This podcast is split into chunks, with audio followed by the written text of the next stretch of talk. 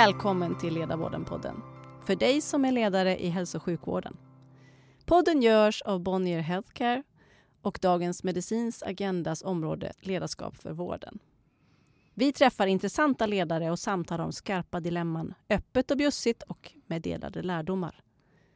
Jag heter Isabelle Selin och är VD för Bonnier Healthcares verksamhet i Sverige. Och I botten är jag specialistläkare i geriatrik. Hej allihopa! Jag heter Nina Hedlund och är verksamhetsansvarig för ledarskap för vården som gör program och nätverk för chefer i vården.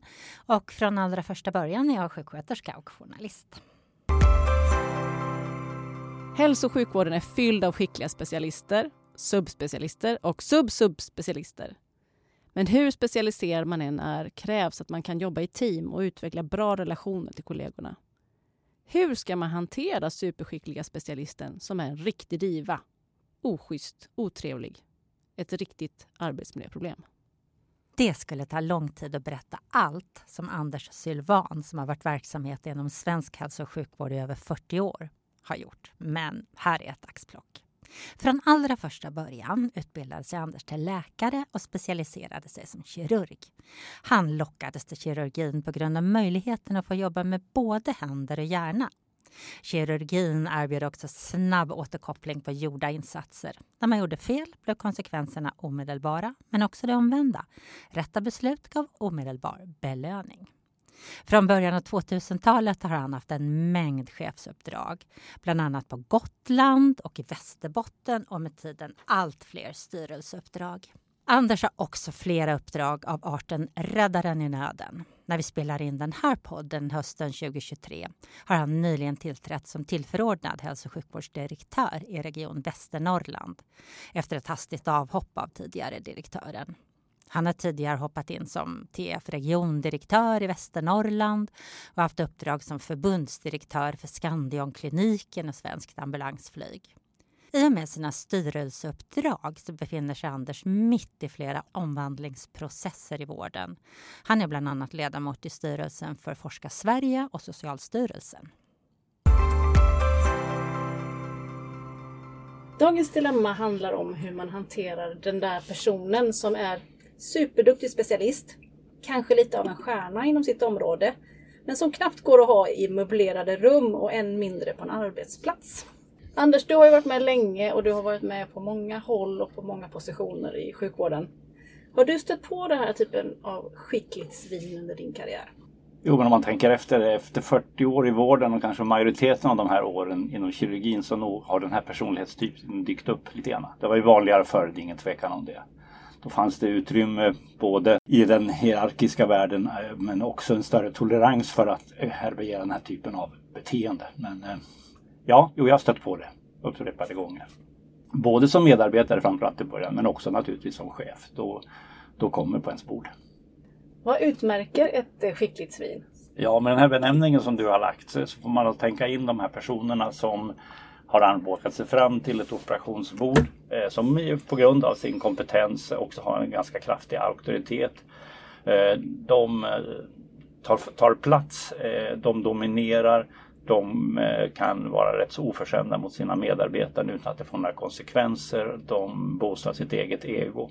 Det här, det här gynnar ju inte själva processhanterat för kirurgin är ju en process. Eh, det är en process där vi odlar fram både ett beslut och där vi ska få ett resultat. Det är beroende av så många medarbetare under vägen och det är beroende av så många funktioner även inne på operationssalen. De här skickliga synen skapar en väldigt eh, eh, otäck stämning på salen där, där det, rädsla och eh, eh, ibland vanmakt kan dominera.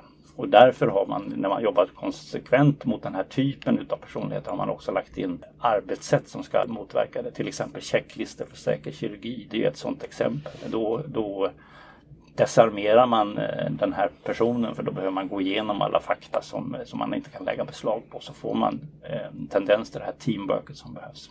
Men de kan verkligen ställa till och de kan permanenta en kultur som är, är destruktiv och som egentligen då inte ger riktigt bra kirurgiska resultat på sikt. Det kan vara en enskild operation som ser bländande ut men det blir ofta sällan en riktigt bra kvalitetsutveckling som jag ser det.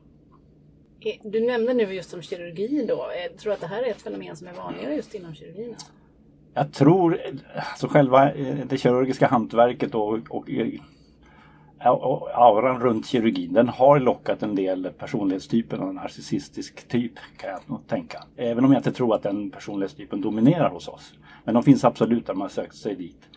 Så att eh, ja, de har dykt upp. Eh, det finns ett utrymme där att odla sitt ego. Det finns eh, strukturer som gör att man tar sig fram där också. Kirurgin är väldigt mycket ett, ett både tekniskt hantverk och, och, och en hjärnövning. Och framförallt i det tekniska så krävs det ju att man får operationstid. Kanske inte 10 000 timmar, men många timmar behöver man. Och då behöver man ta sig fram till ett operationsbord. Och de med stora armbågar har tidigare lyckats kanske ta sig fram oftare. Och då har det odlat den här typen. Nu tror inte jag att det ser ut så här idag, men eh, det finns en historia av det. Jag tror det.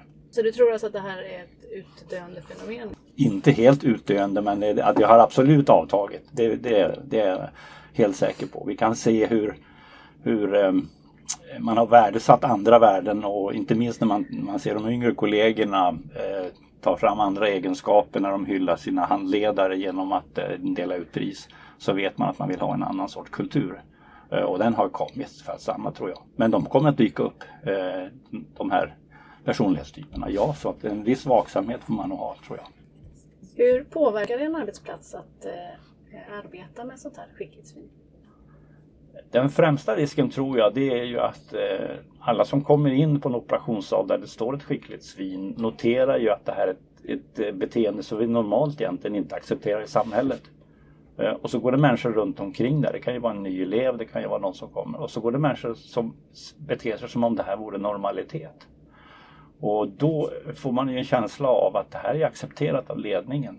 Eh, det skapar då en känsla av att hela kliniken där den här fungerar eh, har osunda strukturer, där tystnadskultur råder, där man inte kan säga till, där det inte får konsekvens om man, om man faller utanför ramen eller är rent ohövlig. Och på, då, på det sättet så, så, så frammanar det ju en, en, en kultur eh, ja, ja, där det här tolereras och, och, det gynnar ju absolut inte en god arbetsplats med, med bra relationer som liksom utvecklar verksamheten. Så det får mycket större eh, konsekvenser än bara det som händer på operationssalen. Det påverkar en hel klinik i värsta fall. Har du något särskilt exempel som du kan dra utan att vara Ja, jag har haft enstaka medarbetare som, där jag som chef då har Eh, mutat in ett område eh, både så att säga forskningsmässigt eh, men också manuellt och varit enormt eh, angelägen om att få bli nationellt erkänd inom det fältet eh, och också sett till att yngre kollegor inte har fått komma fram och på det sättet har brett ut sig över det här området. Och det är framförallt det, det kanske inte precis det här ska vi säga att man är ett svin i operationssalen utan mer att man har, har en, en metod där man där man håller undan sina eventuella konkurrenter eller medarbetare. Och på så sätt så skaffar man sig en plattform. Och det här stärks ju framförallt då i akademiska kulturer som jag ser det, där man väldigt högt meriterar eh, det akademiska eh, värdet. Det ger både makt och inflytande och stimulerar tyvärr den typen av beteende. Men sen finns det andra friska strukturer också. Det är de man ska bygga på tänker jag. Eh, jag tänker så här som chef tänker jag att det handlar framförallt om att eh, värna om eh, kirurgins innehåll, kvalitetsutveckling. Det har varit mitt främsta mål. Så att jag ser att när man ska skaffa sig kompetens och utveckling inom ett område så måste man tänka i trianglar. Den här triangeln består dels av kungen eller numera ofta, ganska ofta drottningar som kanske har spetsen både manuellt och kunskapsmässigt. Parallellt med dem så finns det då parhästar eller, eller en kronprins som ska växa inom området. Och bakom eh, i triangeln så finns det de som ska växa till och ta över. På så sätt så kan man försäkra sig om på organisatorisk nivå att ett kunskapsområde inte blir dominerat av en sån här primadonna. Utan att det hela tiden fylls på med kompetens. Och det här tycker jag att man ska efterfråga som chef, att det här systemet finns. Men jag kan tänka mig att det kan vara en ganska delikat situation för oftast kanske det handlar om att man har forskning, man har anslag, eh, mycket prestige och kanske mycket man har mycket att förlora på att bråka med den här typen av personer också. Är det några särskilda överväganden man behöver göra som, som chef i de här lägena? du har alldeles rätt. Det där går ju att säga, göra en, en teoretisk plan på hur man ska hur man ska säkra kompetensen och en, en god eh, anda, en god kultur på sin klinik. Men sen gäller det att omsätta det också. Eh, och det kräver ju rätt mycket av en chef. Eh, jag tror att från första början så behöver man stå rätt så stadigt eh, bland åtminstone mina kollegor. Och det är oavsett vilken bakgrund man har. Om man har läkarbakgrund eller en annan medicinsk profession så behöver man sätta sig in i verksamheten på djupet så att man har en ganska ordentlig grundförståelse. Sen tänker jag att man behöver odla den kulturen som, som vi egentligen är ute efter, det vill säga att eh, frammana god kvalitet och bra resultat. Och då måste man efterfråga det bland kollegorna. Eh, visa att det spelar roll. Eh, och när man frågar i skogen så får man det här svaret. Då, då börjar verksamheten notera att det är på det här sättet vi har det. Eh, det frammanar också då en generös eh, kultur där man vill dela med sig av kunskap, av handledning och promota det. Och i det läget så identifieras de här personerna mycket tydligare och då får man ett kollegium som egentligen inte vill ha dem. Eh, och då får man en kultur som på något sätt säger att men det är inte okej okay på det här sättet. Men som du säger, det kan mycket väl uppstå väldigt starka individer som har skaffat sig en ordentlig bakgrund med eh, nationellt rykte, med goda forskningsanslag som kommer regelbundet. Och det väger då emot den här viljan att kanske försöka få dem anpassade i ett team. Eh, och då behöver man som chef vara modig och sätta sig ner och ta den här diskussionen. Och det Eh, ja, det krävs både mod men också, också en hel del så att säga, styrka och stabilitet. Jag har sett en del yngre kollegor, alltså chefskollegor som, som har gått in med hull och hår med uppgiften att skapa förändringar. Att, eh, vad ska vi säga, rensa i, i, i osunda kulturer. Eh, och har man haft för bråttom då och inte fått ner så att säga, fötterna ordentligt stabilt och fått legitimitet för sin ledarroll utan direkt skjut, gått på chefskapet. Då riskerar man att få kollegor emot sig. Eh, och då skyddar de även privanoner. Och det är många som har gått på pumpen där när de har haft för bråttom i sitt chefskap och inte hunnit med sitt ledarskap. När jag var kandidat för 20 plus år sedan, då, då hörde man en del om de här typerna. Det var oftast äldre män närmar sig pension som eh, till exempel inte tilltalade kvinnliga kandidater och så. Men då sa man att ja, men det här är ett utdöende släkte. Tyvärr så pratar jag med andra unga kollegor för bara ett år sedan som sa att det är fortfarande precis likadant. Då dyker frågan upp, det här skickliga svinet, är det oftast en man? Jag tror att från början så berodde det på en typisk manlig struktur. Eh, män var, eller kirurgiska specialiteter var ju män absolut dominerande för en 20-30 år sedan. Eh, det var också så att det fanns någon slags eh, Eh, drivkraft att skapa en aura runt sig själv där man kanske ville få den här typen av eh, storytelling att leva vidare. Det fanns också en fascination av de yngre kollegorna att kunna berätta om sina äldre, eh, på vilket sätt de uppförde sig och hur de gjorde. På så något sätt höll man igång myten om den här, den här personlighetstypen. Jag tror att den i och med med eh, ja, den utveckling vi ser så tror jag att den, att den avtar. Det finns då kvinnliga kirurger som har kopierat det här beteendet exakt, använder samma maktstrukturer. Så det är inte bara kön. Tyvärr så tror inte jag att det har nått hela vägen. Vi har fortfarande väldigt mycket att göra inom sjukvården rent allmänt när det gäller ja, vi kan kalla det för manschauvinism eller att arbeta med, via makt istället för via, via alltså normala sociala regler. Så att nej, det finns fortfarande kvar. Eh, och dessvärre så tror jag att det odlas, eh, nu är jag lite fördomsfull, men det odlas fram, mera i de akademiska miljöerna som har varit mer konservativa, håller fast vid de här akademiska hierarkierna och strukturerna hårdare än på andra ställen. Och det är där vi har våra utbildningar. Så då lever den här kvar lite längre. Sen när man kommer ut till, till arbetsplatsen så ser det oftast bättre ut och annorlunda. Och sen tror jag att vi har en gradient från norr till söder också. Jag har jobbat i norra sjukvården under väldigt lång tid och här har det, den har dominerats av prestigelöshet på ett annat sätt än jag ser när jag hamnar på de stora sjukhusen i de stora städerna. Nu sitter du på en position som är verkligen högst upp i hierarkin i hälso och sjukvården i din region. Vad kan man göra från en sån position för att motverka den här typen av arbetsmiljöproblem?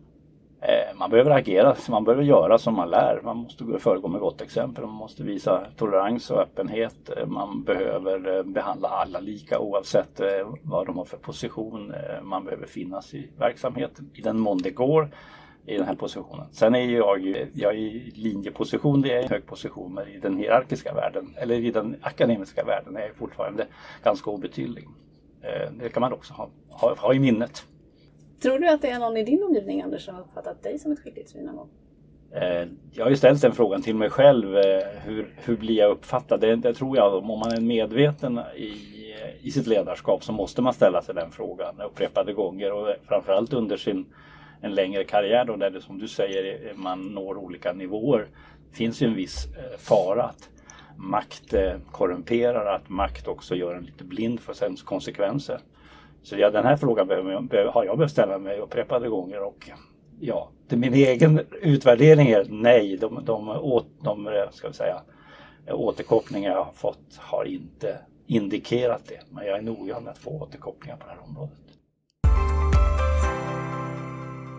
Häng nu med till nästa avsnitt av leda vården podden med mig och Isabelle. Vi kommer att träffa en jättespännande person som heter Carolina Samuelsson som är chef för sjukhusen i Halland. Det här avsnittet kommer att handla om ångest och rädsla både hos sig själv och hur man hanterar det när medarbetarna är rädda för att göra fel och hur man bygger en kultur där man kan lära sig av misstag. Häng med och lyssna på det. Det blir jättespännande.